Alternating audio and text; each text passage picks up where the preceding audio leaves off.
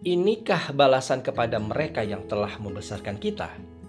Ketika hidupnya, belum ada waktu bersilaturahmi. Ketika sakitnya, belum ada waktu membesuk. Ketika wafatnya, belum ada waktu melayat. Irdon Abdurrahman Sahli Rahab bulan Maret tahun 2021. Mari kita ulas. Semua manusia pasti membutuhkan bantuan orang lain tidak mungkin bisa langsung mencapai prestasi seperti saat ini. Pasti ada campur tangan dari orang tua, saudara, guru, dan teman, bahkan orang di sekitar kita. Tetapi setelah berhasil mencapai prestasi sukses, lihatlah apa yang terjadi. Banyak dari kita seakan lupa walau hanya sekedar untuk mengucapkan terima kasih. Rasulullah bersabda dari Abu Hurairah yang diriwayatkan oleh Abu Daud dan At-Tirmizi tidak dikatakan bersyukur pada Allah bagi siapa yang tidak tahu berterima kasih pada manusia.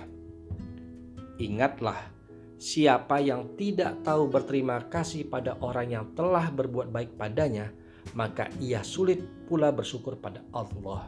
Dan Allah tidaklah menerima syukur seorang hamba sampai ia tahu berterima kasih kepada orang lain.